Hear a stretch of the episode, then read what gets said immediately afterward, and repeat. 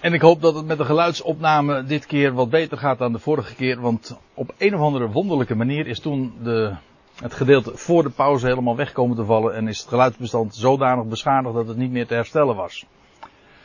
Tot dusver is dat niet eerder gebeurd, dus ik houd erop dat het een unieke ervaring is en dat we het ook bij die ene keer maar houden. En u ziet het, we zijn inmiddels al bij elkaar voor de 33ste keer rond de eerste Korinthebrief. En we hebben met name toch wel gedurende de laatste avonden stilgestaan bij 1 Korinthe 15. Het absolute hoogtepunt van de brief, bijna ook het eindpunt. Want eh, wat na 1 Korinthe 15 nog volgt, dat is een, eh, een zoals ze dat dan noemen, een appendix. Een, nog met uh, wat uiterlijke of wat praktische overwegingen en de groeten, et cetera. Ik, ik zeg dat nou niet uh, alsof dat niet van belang zou zijn, maar ik bedoel, dat is werkelijk een, de afsluiting dus van de brief. 1 Korinthe 15, dat in zijn geheel gaat over de opstanding van Christus en de geweldige betekenis daarvan. En ik denk dat we er verstandig aan doen juist als je nogal in de details gaat, en zoals we dat toch wel gedaan hebben, met name met die laatste verse van 1 Korinthe 15, die we zojuist, of die we de vorige keren hebben besproken, dan, als je in de details zo treedt, dan loop je het risico gemakkelijk dat je uh, het, het overzicht wat kwijtraakt. En dat je niet meer helemaal goed weet van, ja, wat is eigenlijk de lijn van het betoog? Wat zegt Paulus? Wat is zijn punt? Waar wil hij naartoe? Daarom even een, een overzicht van dit ene hoofdstuk. We zagen in de eerste elf versen van 1 Korinthe 15. Daar gaat het over de opstanding van Christus als historisch feit. Een historisch gedocumenteerd feit. En ook waarom dat de essentie is, de kern van het evangelie dat Paulus, maar ook zijn collega-apostelen verkondigden. Daarin hoe grote verschillen ze ook in bepaalde opzichten zijn, in het uitzicht, het perspectief wat zij brachten. Dit is het gemeenschappelijke fundament. Het goede bericht gaat over Christus die opgestaan is uit de doden. En als je zegt van ja, maar wat is er dan met het kruis en de dood van Christus? Maar uiteindelijk, hij moest sterven om te kunnen opstaan uit de doden. Zodat ook als je het hebt over de betekenis van zijn kruis en over de betekenis van zijn dood, dat je dan toch weer uitkomt bij de opstanding. Want de dood, zijn, zijn kruis, zijn sterven, dat is de donkere achtergrond waar juist door dat, dat licht van zijn verrijzenis des te sterker in, uh, tot uitdrukking komt. Dat waren de eerste elf versen. Dan krijg je vanaf vers 12 tot vers 19. Gaat het over de consequentie van als er geen opstanding der doden zou zijn. Want dat was wat sommigen, zo lezen we in vers 12, beweerden. Hoe komen sommigen onder u ertoe te zeggen dat er geen opstanding der doden is? En feitelijk, dat wat in 12, vers 12 gezegd wordt, is de aanleiding voor dit hele hoofdstuk. En in die zin mogen we wel blij zijn dat er toen een aantal daar in Korinthe waren die dat beweerden. Want dit heeft toch, het heeft toch maar weer dat geweldig hoofdstuk opgeleverd. Wat trouwens de achtergrond was van die ontkenning. Hoe komen sommigen onder u ertoe te zeggen dat er geen opstanding der doden is. Wat ze precies beweerden, dat is niet duidelijk. Paulus is eigenlijk heel sumier in die bewering. Zij beweerden dat er geen opstanding der doden is. Maar waarom, wat hun motieven daartoe waren, of wat hun, hun opvattingen eigenlijk waren, dan weten we niet. Het zou zomaar kunnen dat, en dat is, we hadden het even over filosofie, zojuist, voordat we begonnen. En als we het hebben over Griekse filosofie, de essentie haast van de Griekse filosofie is het idee van de onsterfelijke ziel. En het zou heel gemakkelijk kunnen dat Korinthe lag in het hartje van, van Griekenland en ook uh, de filosofie stond daar hoog aangeschreven. Dat zagen we al, al veel eerder in deze brief, in 1 Korinthe 1 en 1 Korinthe 2. De wijsheid van mensen. Dat die gedachte, de onsterfelijke ziel, daar erg populair was. Ja, en als er een onsterfelijke ziel is, dat wil zeggen, een mens gaat dood, maar hij gaat niet echt dood. Zijn ziel leeft gewoon voort. Als dat het idee is, dat is een, een aanval op de betekenis van de opstanding. Want als dood niet echt dood is, dan wordt de opstanding feitelijk zinloos. Ja, waarom?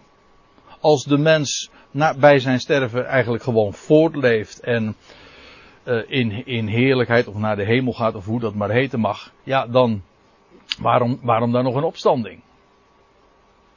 Paulus zegt ook, we hebben dat uh, eerder gezien, als het waar is wat jullie zeggen, dan zijn zij die in Christus ontslapen zijn ook verloren. Als, ja, als ze echt dood zijn, en er is geen opstanding, dan zijn ze verloren. Maar als die uh, filosofie van hen, hè, van die onsterfelijke ziel, daar echt uh, met op zou gaan, ja, dan is de opstanding feitelijk een soort, uh, zoals ze dat noemen, suiker op de honing. Dat is, waarom dan nog? Dus die achtergrond zou het zomaar kunnen hebben, maar terwijl ik het zeg, uh, zeg ik dit ook met de slag om de arm, want de, het motief en de opvattingen van die mensen worden hier niet aan de, aan de kaak gesteld. Alleen maar dat ze beweren er is geen opstanding de doden. Nou, Paulus laat dan zien wat de consequenties daarvan zijn. Hij zegt dan, en ik zet, zet het even op een rijtje zo, puntsgewijs. Als er geen opstanding der doden is, dan is ook Christus niet opgewekt. Bovendien dan is onze prediking leeg, zonder inhoud. Leeg is daarmee dan ook ons geloof. Bovendien zegt hij, wij als apostelen zijn dan valse getuigen van God. Wij beweren iemand gezien te hebben die opgestaan is uit de doden. Wij getuigen dat. Ik bedoel in de, in de juridische zin van het woord. Wij zijn ooggetuigen daarvan. Wij claimen dat. Velen, Paulus zegt zelfs, uh, hij spreekt over honderden, vijfhonderd, dat getal noemde hij uh, eerder in dit hoofdstuk. Dus allemaal mensen die claimden de opgewekte Christus gezien te hebben. Nou, als dat niet zo is, dan zijn zij dus valse getuigen. En bovendien, het is uh, valse getuigen van God. Daar zit in feite ook nog de gedachte achter. Kijk, als je bij de rechtbank vals getuigt, dan, is, dan wordt dat zeer zwaar aangerekend. Maar als je onder ede dat doet, dat wil zeggen je haalt God erbij. En dat is wat zij deden. Zij zeiden, God heeft hem uit de doden opgewekt. Lijkt me ook moeilijk een andere verklaring daarvoor te bedenken. Ja, mensen kunnen in de medische wereld heel veel. Maar uh, de dood overwinnen, dat uh, is toch niet des mensen. Als er iets is waar een mens helemaal gewoon bij stilstaat en niets meer kan, dan is het wel bij de dood. Maar goed, als dat die bewering dus waar zou zijn, hij zegt nou, dan betekent dat wij dus valse getuigen zijn. Dan zijn ook de ontslapen, ik zei het zojuist al, de ontslapen in Christus ook verloren. En wij apostelen, wij zijn de beklagenswaardigste van alle mensen. Alles wat wij ondergaan, we zullen dat straks trouwens ook nog weer gaan zien. Want Paulus gaat dat nog eh, wat nader uiteenzetten. Hij zegt, wij apostelen, die zoveel meemaken, zoveel verdrukking, benauwdheid, vervolgingen. Hij zegt, ja, als, en onze boodschap, de, gewoon de koorboodschap, de kern van dat wat we te melden hebben, dat is domweg niet waar. Het is zelfs een leugen, het is zelfs een, een, een, eh, een verschrikkelijke valse eh, leugen. Hij zegt, waarom zouden wij dat doen? Hij zegt, dan zijn wij echt de beklagenswaardigste van alle mensen. En dan, in vers 20 tot 28, dat is het hoogtepunt van deze brief. Het hoogtepunt ook van het betoog in de apostel, van de apostel in dit hoofdstuk.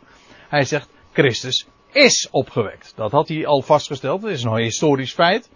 En waarom is dat zo geweldig? Het is de garantie van de levendmaking van allen. De dood wordt teniet gedaan. En hoe gaat dat gebeuren? Wel door alle mensen, allen die in Adam sterven, zullen worden levend gemaakt. En hetzelfde leven wat Christus als eersteling aan het licht bracht, dat zal het deel worden gefaseerd, ieder in zijn eigen rangorde, van alle mensen. En nou ja, dat is uh, het onderwerp geweest van de laatste drie avonden. Want we zijn daar uh, langzaam doorheen gegaan. Juist omdat het zo vreselijk onbekend is.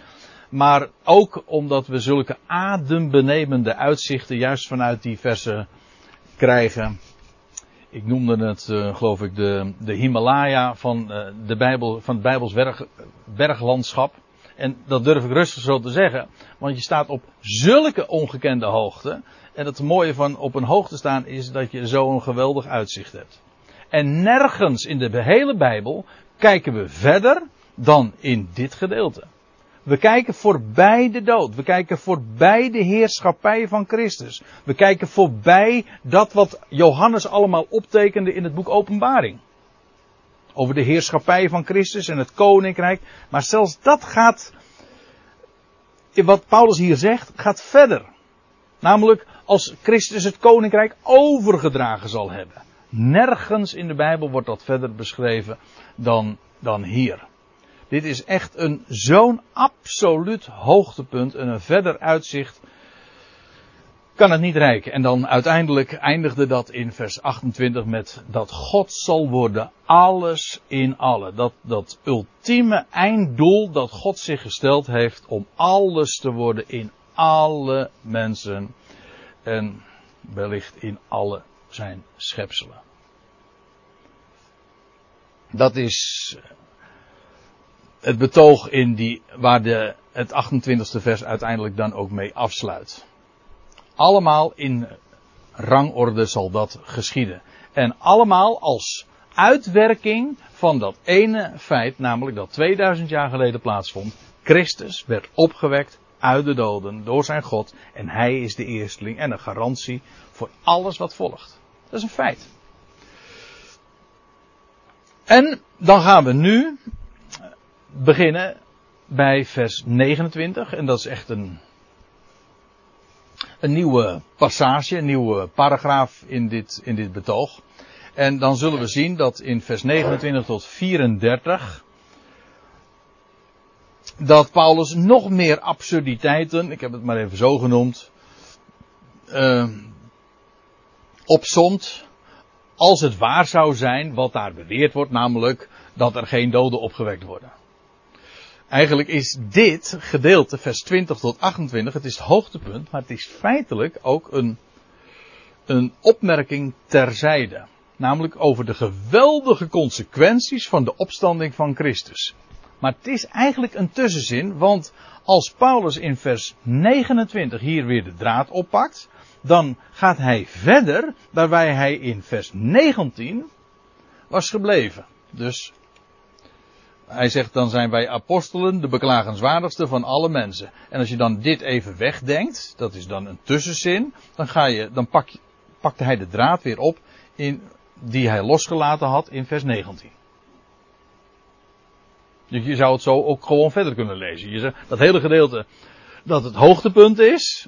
Als je het even weglaat, dan kun je gewoon vers 19 eh, plakken na, uh, of vers 29 plakken na vers 19. Dat kan.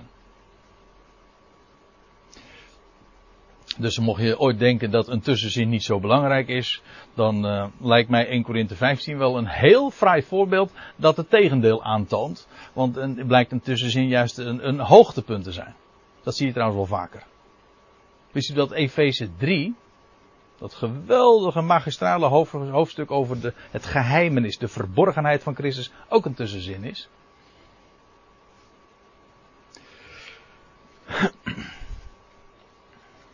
Goed. Nou, dan pakken we de draad dus inderdaad op bij vers 29. We hebben wat teruggeblikt, wat we tot dusver hebben gezien. En dan zegt hij, wat zullen anders zij doen? Nou, moet ik er nog even iets bij zeggen. Als je dan uh, in vers 29 aankomt, dan kom je wel meteen op een heel uh, merkwaardig terrein terecht. Want vers 29 is een heel obscuur vers. Ik las een, een uh, verklaring, een bijbelverklaring vanmiddag, juist even bij de voorbereiding, zat ik nog even wat te bladeren zo in diverse handboeken. En toen schreef een Engelse, een Amerikaanse verklaarder van, uh, dat in zijn beleving 1 Korinthe 15 vers 29 het, het moeilijkste vers was van het hele Nieuwe Testament, wat hem betreft. Ben ik helemaal niet met hem eens trouwens. Maar zoals we het lezen in de vertaling is wel merkwaardig. Nou laten we het eens bezien. Wat staat er? Wat zullen anders zij doen die zich voor de doden laten dopen? En nou laat ik dan meteen het hele vers al even meenemen, want het is toch een, een geheel. Indien er in het geheel geen doden opgewekt worden, waarom laten zij zich nog voor hen dopen?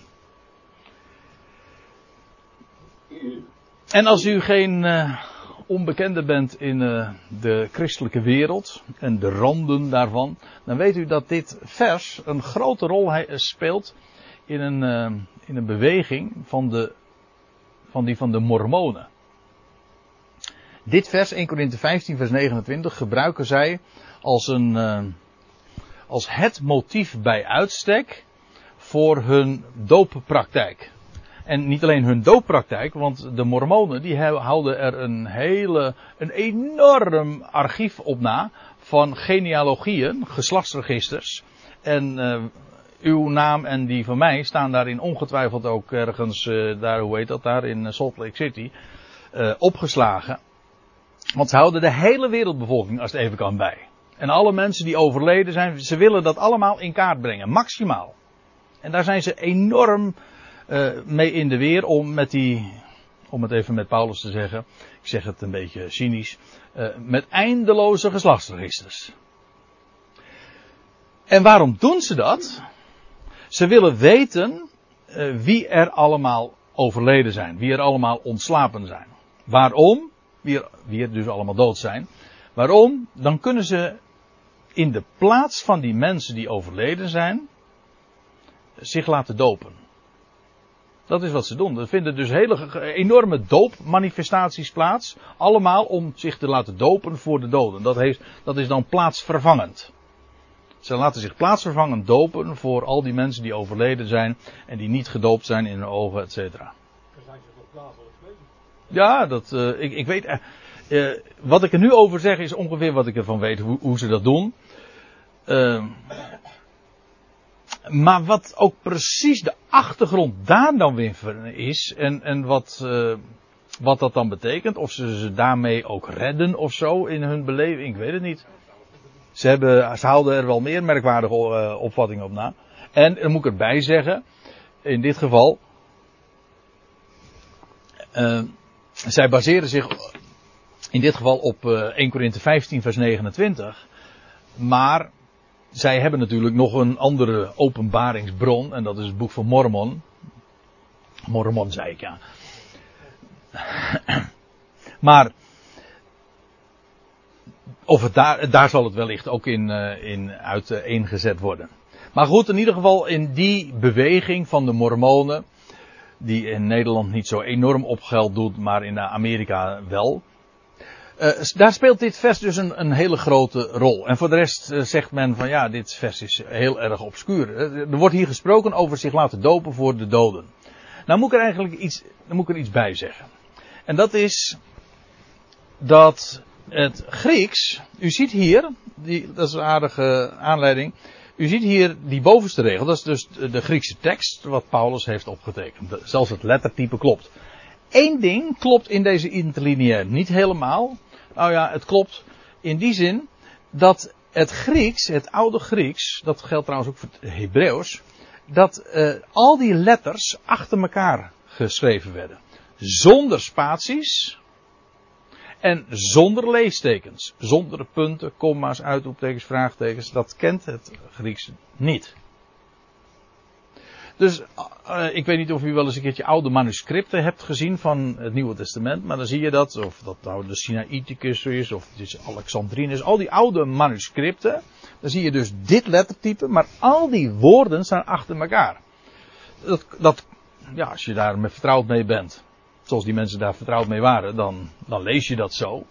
Maar uh, je moet dus wel al die woordjes, dus uh, ja, eigenlijk in gedachten hakken. Degene die hier, uh, ik heb me ze ooit in een grijs verleden, want het is alweer heel erg lang geleden. Dus, uh, tweede helft van de 70 jaren heb ik, uh, een jaar of wat, heb ik modern Hebreeuws geleerd. Uh, Ivriet. Jaar of vier, vijf. En dan, dan heb je een, een ander verhaal en dan is het, het Ivriet kent geen, dat wil zeggen, als je de kranten leest, dan staan er geen, geen klinkertekens. Dus al, het zijn alleen maar medeklinkers. Maar als een beginnend eh, Hebreeuws student, die, die heeft die klinkertekens nodig om die tekst te kunnen lezen en te kunnen uitspreken. Anders weet je niet wat, ja, hoe, hoe moet je die woorden dan uitspreken. Nou, in, uh, dus dan, dan bedenkt men die er, heeft men die er, erbij bedacht gewoon om het te kunnen lezen voor, voor de beginner. Maar de tekst zelf kent het niet. Het origineel. Nou, zo heeft het Grieks dus uh, ook geen enkele, geen dat heet dan interpunctie. Geen punten, komma, spaties. Leestekens. En waarom vertel ik dat verhaal nu? Soms is het lastig om een zin te ontleden. Dat wil zeggen, waar begint de zin, waar eindigt de zin? En dat kan arbitrair zijn. Dat wil zeggen, uh, twijfelachtig. En Kijk, als u, als u nu gewoon hier dit leest. Uh, anders wat? Het is trouwens wel weer grappig, want als dit er staat in het Grieks, dan is dat de aanduiding van een vraag. Dat wel. Maar er staat geen vraagteken, dat niet. Anders wat zullen doen degenen die gedoopt worden? Ja, en die interpunctie kan heel anders. Dan, dan krijg je dus de zin, wat zullen anders zij doen die gedoopt worden? Vraagteken. Ten behoeve van de doden. Indien er helemaal geen doden worden opgewekt, waarom zouden zij gedoopt worden ten behoeve van hen, de doden? Kijk, ik zal, ik zal een andere, de begrijpelijke lezing eens geven. Wat zullen anders zij doen? Die worden gedoopt? Vraagteken. Voor de doden. Als de doden geheel niet worden opgewekt. Waarom worden zij ook gedoopt voor hen? Wordt de zin u nu iets duidelijker?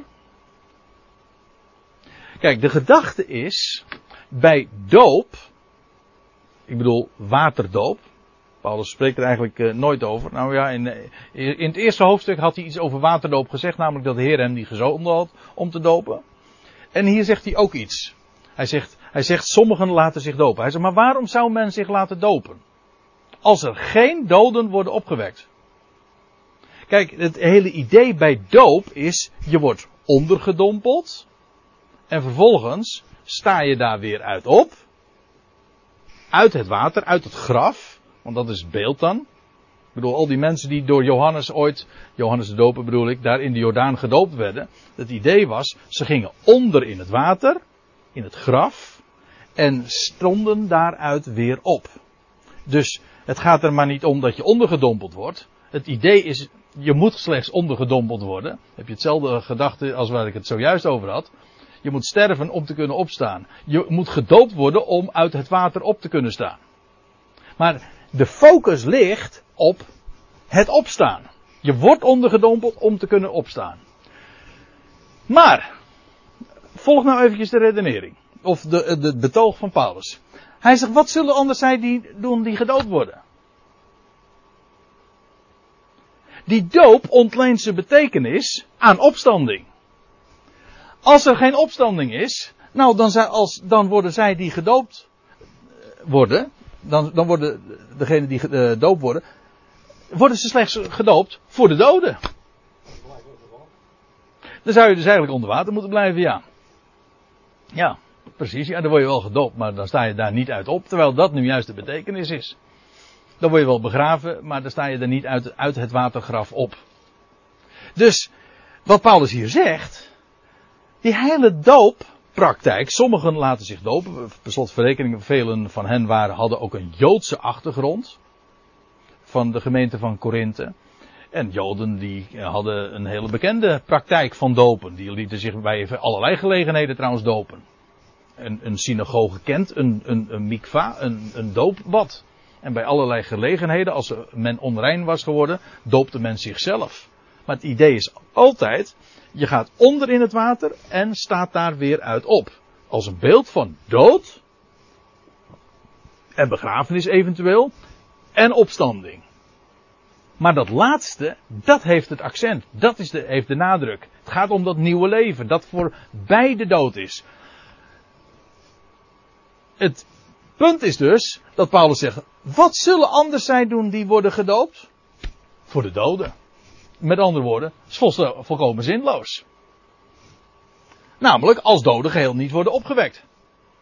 Ja, en hij, hij, dan herhaalt hij feitelijk nog een keer zijn punt. Waarom worden zij ook gedoopt voor hen? Je wordt juist gedoopt met het oog op opstanding, niet voor doden. Kijk, en dan wordt deze hele lug, nee, lugubere is niet het juiste woord, deze, hoe zeg je dat? Uh, duistere tekst. Een heel andere. Het gaat hier dus niet over uh, dat zij zich lieten dopen voor de doden. Nee, hij zegt, wat zullen anders zij doen die zich laten dopen? Vraagteken. Voor de doden. Uitroepteken. Als er inderdaad helemaal geen doden worden opgewekt.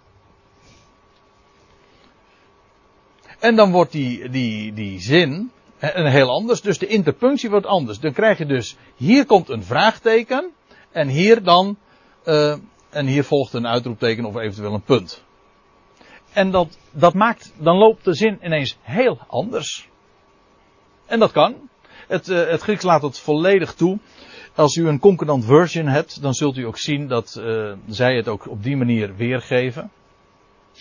De Engelse concordant version, ook de, de Duitsstalige doet dat eveneens. En als u een uh, companion Bible hebt van uh, Bullinger, dan lees je ook al in de aantekeningen dat dat op deze wijze gelezen dient te worden. En dat het hele raadsel zich dan ook oplost. Kijk, Paulus' punt is nog steeds van, ja, jullie beweren dat er geen doden worden opgewekt. Waarom laat je je in vredesnaam dan nog dopen? Dat is het hele idee. Dopen doe je toch met het oog op de opstanding. En als er geen opstanding is, dan laat je je dopen voor de doden. Oftewel, voor noppers. Want dat is het idee.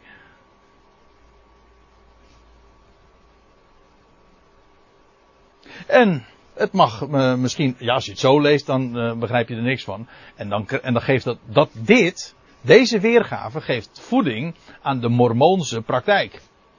Want dan, dan, krijg je het idee van, ze hielden een speciaal ritueel en we weten niet precies wat die Corinthiërs deden, maar ze lieten zich dopen voor de doden. Nee, nee, dat is het punt niet. Ze lieten zich dopen en Paulus zegt dat is voor de doden. Als er geen doden worden opgewekt. Voor niks dus. En dat uh, zo'n zo'n duistere tekst verandert dan uh, ineens in een hele logische, ook helemaal in de lijn van het betoog wat Paulus hier houdt. Dat is uh, begrijpelijk.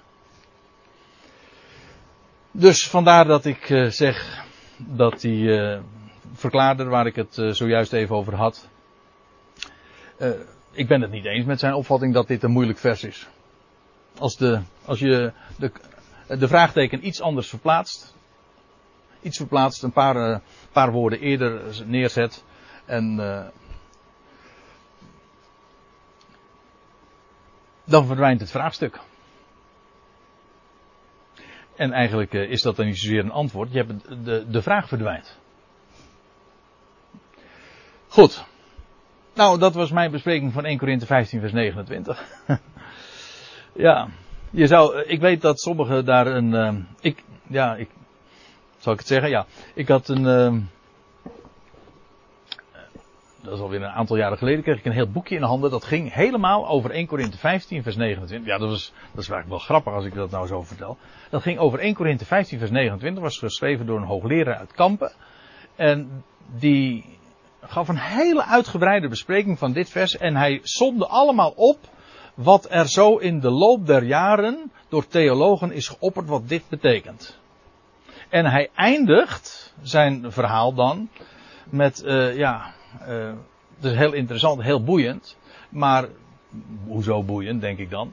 Uh, want hij schoot er helemaal niks mee op, want hij wist het nog steeds niet. Hij, had, geeft dus de lezer een heleboel verklaringen van dit wordt er over gezegd. En professor die zegt er dat over en kerkvader zus heeft er dit over beweerd.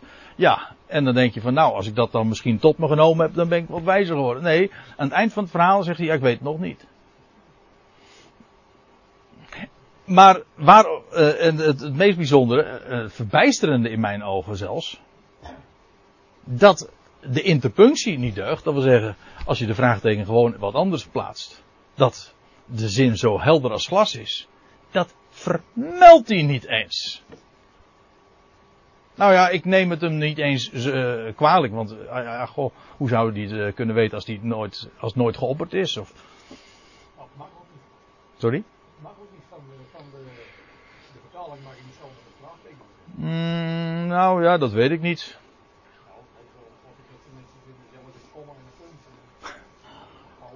Mm. Nou, ik weet eigenlijk niet of dat uh, in deze het, het geval is. Uh... Maar in elk geval, ik vond het heel merkwaardig dat, uh, dat hij zo een heel lang betoog op, opzette. En eind van het verhaal nog niks wist erover te vertellen. En dat hij de enige echte antwoord, het enige echte antwoord, want zo arrogant ben ik dan om daarover te, als ik daarover spreek, dat hij dat niet eens vermeldt. Ja. Nou, wij gaan gewoon verder bij vers 30 dan. Nadat Paulus dus gezegd heeft, hij, ik zei al, vanaf 29 tot en met vers 34 noemt hij gewoon een aantal andere ongerijmdheden, absurditeiten op, die allemaal het gevolg zijn van die bewering van sommigen daar in Korinthe, dat er geen opstanding der doden is.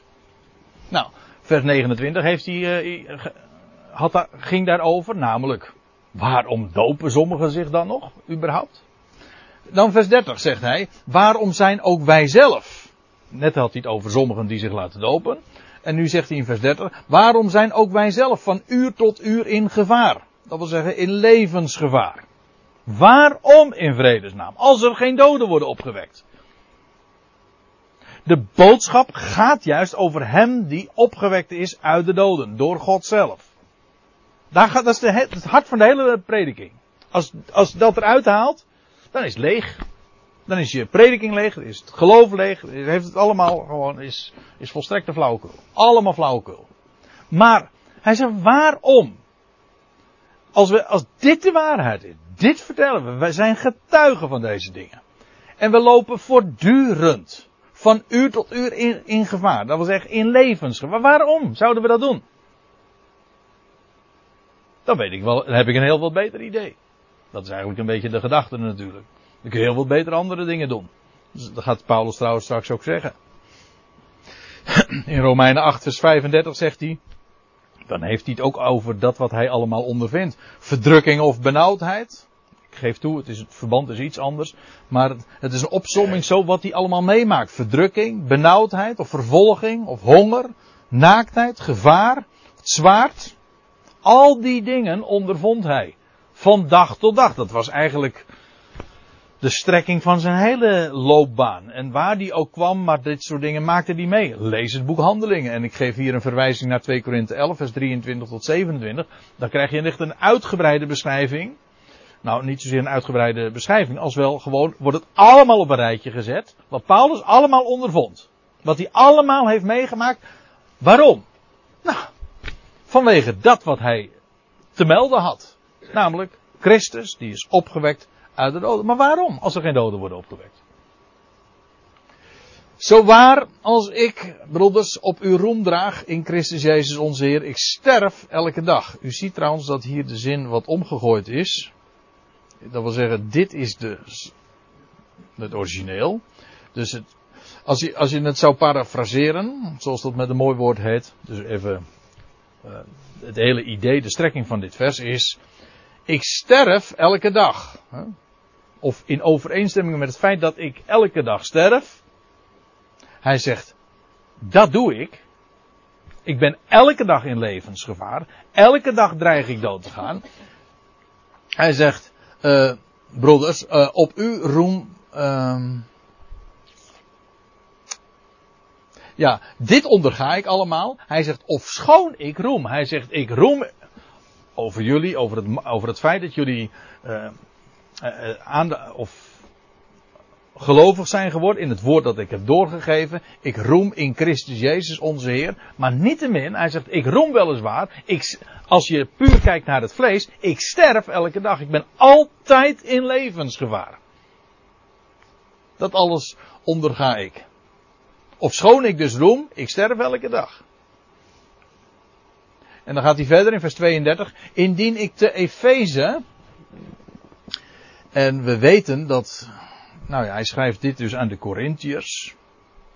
En dan refereert hij. We lezen trouwens in Handelingen 18 dat hij inderdaad in Korinthe was, anderhalf jaar. Dan vertrekt hij. Hij is later weer terug geweest. Kunnen dat allemaal traceren vanuit het boek Handelingen. Maar dan lezen we in Handelingen 19 inderdaad dat hij in Efeze in groot gevaar is geweest. Er is een uh, enorme volksopstand ook geweest, juist rond, rond zijn figuur.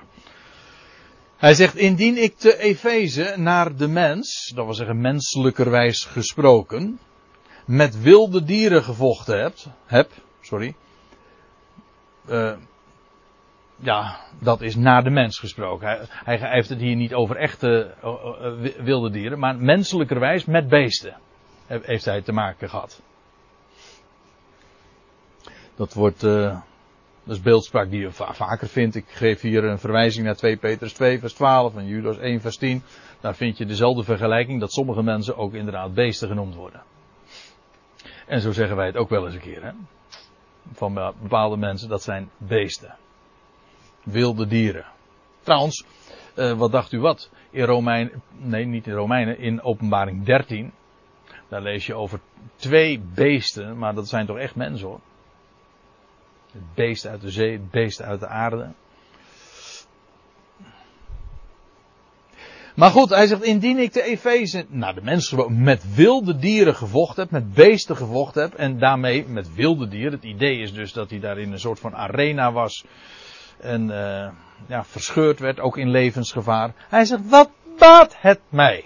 Oftewel, uh, welk nut heb ik daarvan? Alles in zijn boodschap is gericht op dat wat voorbij het graf ligt. Dat is het. Dit, het, het gaat hier niet om dit bestaan, maar het gaat om dat, om met recht, leven uit de dood. Dat is de boodschap. Maar waarom zou ik dat allemaal doen als er geen opstanding is? Dan heeft het allemaal volstrekt geen enkel nut. Indien er geen doden opgewekt worden. Nou, hij zegt laten we eten en drinken, want morgen sterven we. Het is trouwens een citaat uit, of in ieder geval vrijwel letterlijk, lees je dit ook in Jezaja 22. Maar uh, het blijkt dat Paulus ook uh, verwijst naar, naar woorden van, ik, uh, is het, Epicureus. Dat was ook zo'n Griekse filosoof. Hij wordt ook nog genoemd in Handelingen 17. Maar die zei dat ook. Inderdaad, laten we, carpe diem zeggen ze dan. Hè? Laten we vooral het van het leven nemen. Want ja, morgen gaan we dood. Ja, laten we genieten van het leven. Want eh, morgen, dat wil zeggen, het idee is, de dood is uh, zo nabij. En, eh, en, morgen sterven we. En laten we daarom hier uit het leven maar alles halen. En dat is nog niet eens, ja, is dat, is dat zo fout? Ik bedoel, wat is er mis met eten en drinken? Zegt prediker ook niet van, al, alles is ijdelheid en geniet van, van dit leven en hoe zegt hij dat in, uh, in Prediker 3 ook? Of Prediker 2. Trouwens, eigenlijk, het is de hele strekking van het boek. En dat is geniet het leven met de vrouw die je lief hebt. En eet en drinkt en uh, laat uw klederen ten alle de wit zijn. En olie ontbreken niet op uw hoofd. Uh, nou ja, dat is een beetje de strekking van... Hè? Nee, olie, Fred. Jouw hoofd ziet er trouwens ook wel erg glad uit hoor. Hè? ja. Maar dat is geen boter. maar uh, het, het, idee is dat dit bestaan is ijdel. En uh, er is, daar is ook uh, helemaal niks mis mee. Dat je inderdaad geniet de dagen uh, die God je hier geeft. Maar het, moet u trouwens opletten dat hier staat. Laten we eten en drinken, want morgen gaan we dood. Er staat niet laten we vrolijk zijn. Nou, ik denk, ik heb daar een verklaring voor. En dat is, je kan eten en drinken, je kan eruit halen. Maar welke reden heb je dan nog om vrolijk te wezen? Met, uh, als het bestaan zinloos is, wat trouwens in wezen de algemene filosofie is van deze wereld. Alles komt voort uit een oerknal. Er is geen God, er is geen, eh, niet iemand die alles plaatst. Er is geen bestemming, er is geen doel. Kortom, ons bestaan is dus doelloos, zinloos. Dan kun je wel zeggen van laten we eten en vrolijk zijn. Hoezo vrolijk? Vrolijk om wat? Dan zeg ik het, die, uh, die bioloog, hoe heet die, Midas Dekkers, maar na. Hij zegt, ik heb een hele chagrijnige levensfilosofie. En dat is dat het bestaan volstrekt zinloos is. En als je naar zijn hoofd kijkt, dan weet je meteen ook dat hij het meent. Hè?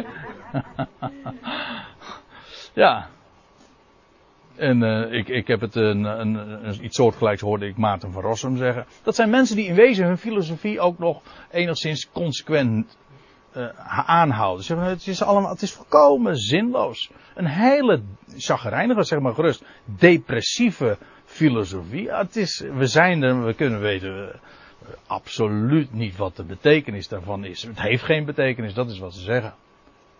Dus ja, hoezo vrolijk zijn? Nou ja, je kan natuurlijk wel. Dan, dan, je hebt geen echt reden om feest te vieren. En dus om vrolijk te zijn. Wat je nog kan doen is een soort van schijnvrolijkheid. En dat is dat je door, dat, door, uh, dat opwekt met allerlei middelen. En dat je je gewoon benevelt. Dan heb je het idee dat je vrolijk bent. Het lijkt vrolijk, maar het is niet vrolijkheid. Het is, het is nep. Het is gewoon, het, het is of door alcohol of door drugs. En dan, maar goed, dan maak je, dan, dan maak je een trip. Maar het is niet omdat je een basis hebt van we hebben reden om blij te zijn, want het beste komt nog. Er is een God die van ons houdt en die het allemaal goed gaat maken. Nee, dat is er niet. Dus ja, we kunnen wel eten en drinken, maar vrolijk zijn. Ja, als er geen doden worden opgewekt, er is geen God, nou laten we, hij zegt, laten we dan inderdaad eruit halen wat erin zit. Ja, wat moet je anders, want morgen gaan we dood. En dan zegt hij in vers 33. Misleid u zelf niet. Nou, hij zegt, dwaalt toch niet. Wees niet dwalende. En wat is die dwaling hier? Dat is, houd even vast, de bewering dat er geen opstanding naar dood is. Dat is de dwaling. En dat is zo fataal, want dat door die bewering raak je echt het spoor bijster. Weet je dus ook niet meer waar je naartoe gaat. Uh, maar laat ik eerst even nog dit lezen. Dwaalt niet. Nou, dat is dus die bewering van die, van die, van die mensen. En die kennelijk ook succes hadden daar. En Paulus zegt, slechte omgang. Dit woord omgang hier, dat is letterlijk uh, het woord voor conversatie. Uh, met elkaar spreken. Ik heb hier een, een, dat noemen ze in dat Bijbelprogramma van Isa, een concordant view. Dat wil zeggen, je kijkt waar dat woord nog va vaker uh, voorkomt. Dit, dit, Griekse woord in al zijn vervoegingen. Dat geeft de MBG weer met spreken, met hen, met hen spreken, onderhouden, spraken, omgang. En onder, ja, ook, ook hier weer dat onderhouden. Dus met elkaar praten. Hier hebben ze het, dus één keer hebben ze het vertaald met omgang, maar het is dus echt het spreken met elkaar, converseren. Die con Samenspreking, oh ja, ja, nou je het zegt, ja. Ja, nou, daar zit dus inderdaad de gedachte achter van met elkaar spreken, van gedachten wisselen. Slecht gezelschap bederft goede zeden. Slecht, dat is, welke vertaling? De herziening. De herziening, oh, ja, ja dan vond ik die van die samensprekingen beter. Tot dusver wat ik ervan gezien heb van die herzieningen, vind ik geen verbeteringen. Ja, nou, ik, uh, het ligt me nog erg vers in het geheugen, maar ik heb afgelopen zondag in Urk heb ik een verhaal gehouden over, de, over die allernieuwste vertaling van uh, de Bijbel in gewone taal. Ik heb anderhalf uur eh, heb ik, eh, een verhaal zo gehouden. Al een hele rits van allemaal voorbeelden. Maar daar word je ook niet blij van hoor. Maar aan de andere kant, dat vind ik wel weer het grote voordeel. Des te sterker en helderder gaat de schrift zelf schijnen. Het contrast is enorm groot. Dat wat, wat God zegt en in zijn woord heeft laten optekenen en wat mensen ervan van bakken. Nou, dat laatste is verbijsterend, maar daardoor zie je wel des te duidelijker. Het is ook weer altijd, het is altijd weer contrast waar je duidelijker door ziet. Niet maar Daniel, daar had je het net over. Het is dus inderdaad de gedachte van conserveren. Uh, nee, conserveren. Conserveren is weer wat anders. Het is converseren, ja. Nee, want conserveren, dat is juist weer het tegenovergestelde van bederf, ja. ja. Ja, conserveren, dat is juist bewaren. Maar die slechte conversaties, en wat is, welke conversaties heeft hij hierover? Die bewering die daar rondzong in Korinthe. Namelijk, er is geen opstanding der doden. Hij zegt, maar die conversaties, dat soort gepraat,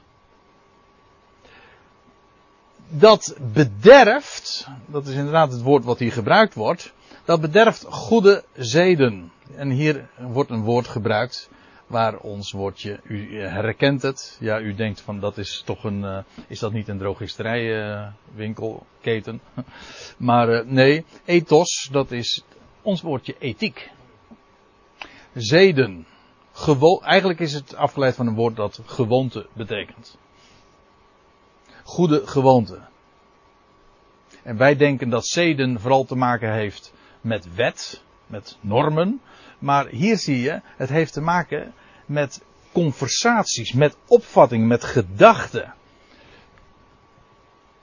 Ik bedoel dit, als je niet meer weet dat de dood teniet gedaan wordt. En dus dat er ook een God is die dat doet, want dat kan er maar één. Dan is dat de oorzaak ervan dat goede zeden bedorven worden. Goede gewoonten bedoel ik. Je ethiek gaat dus eigenlijk gewoon naar de, als ik het even plat mag zeggen, naar de Filistijnen. Op het moment dat dat soort gedachten postvatten. Dat is geen kwestie van wet.